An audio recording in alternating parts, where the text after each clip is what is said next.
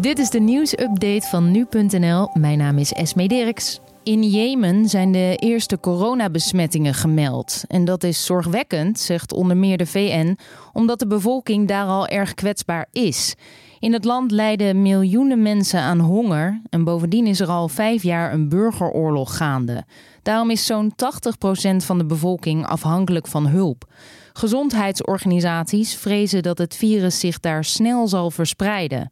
Nu gaat het officieel om vijf mensen, maar de kans is reëel dat die cijfers niet kloppen en dat het virus al een tijdje ongemerkt circuleerde binnen de gemeenschap. Het lukt één op de drie Nederlandse gemeentes niet om de begroting van 2020 rond te krijgen. Dat komt onder meer door de gemiste inkomsten vanwege de coronamaatregelen. Het bleek uit onderzoek van het NRC, die de financiën onder de loep nam. Gemeentes missen miljoenen aan parkeerinkomsten, toeristenbelastingen en belastingen voor ondernemers. En daarom kunnen ze niet aan hun financiële verplichtingen voldoen. De gemeentes Middelburg, Vlissingen, Den Haag en Assen hebben het het zwaarst. Die verwachten tot 2023 geen enkele begroting sluitend te kunnen krijgen. De politie heeft een derde verdachte aangehouden in het onderzoek naar de branden in zendmasten. Het gaat om een 30-jarige man uit Zwifterband die een zendmast in Dronten in brand zou hebben gestoken. De politie onderzoekt nog of de man ook betrokken is geweest bij een van de andere 20 branden. De autoriteiten vermoeden dat het gaat om protestacties tegen de komst van het 5G-netwerk, maar ze waarschuwen voor de impact die de uitval van masten kan hebben. Het heeft bijvoorbeeld gevolgen voor de bereikbaarheid van hulpdiensten. Bijna 450.000 jongeren kregen vorig jaar jeugdzorg.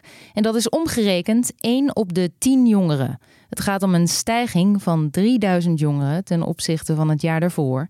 Onder jeugdzorg vallen onder meer jeugdhulp, jeugdbescherming en jeugdreclassering. En dit is bedoeld voor jongeren tot 18 jaar, maar kan verlengd worden tot 23 jaar. Sinds 2015 stijgt het aantal en ook de duur van de jeugdzorg is toegenomen. En de legendarische speerwerper Janis Lucis is op 80-jarige leeftijd overleden. De led leed al geruime tijd aan kanker. Lucis geldt als een van de grootste atleten uit zijn sport. Hij werd in 1987 door de Internationale Atletiekbond zelfs uitgeroepen tot de beste speerwerper uit de geschiedenis. De atleet uit Letland, die uitkwam voor de Sovjet-Unie, veroverde onder meer goud op de Olympische Spelen van 1968 in Mexico. En hij werd ook vier keer Europees kampioen en verbeterde twee keer het wereldrecord. 93,80 meter was zijn verste worp. En dit was dan weer de nieuwsupdate.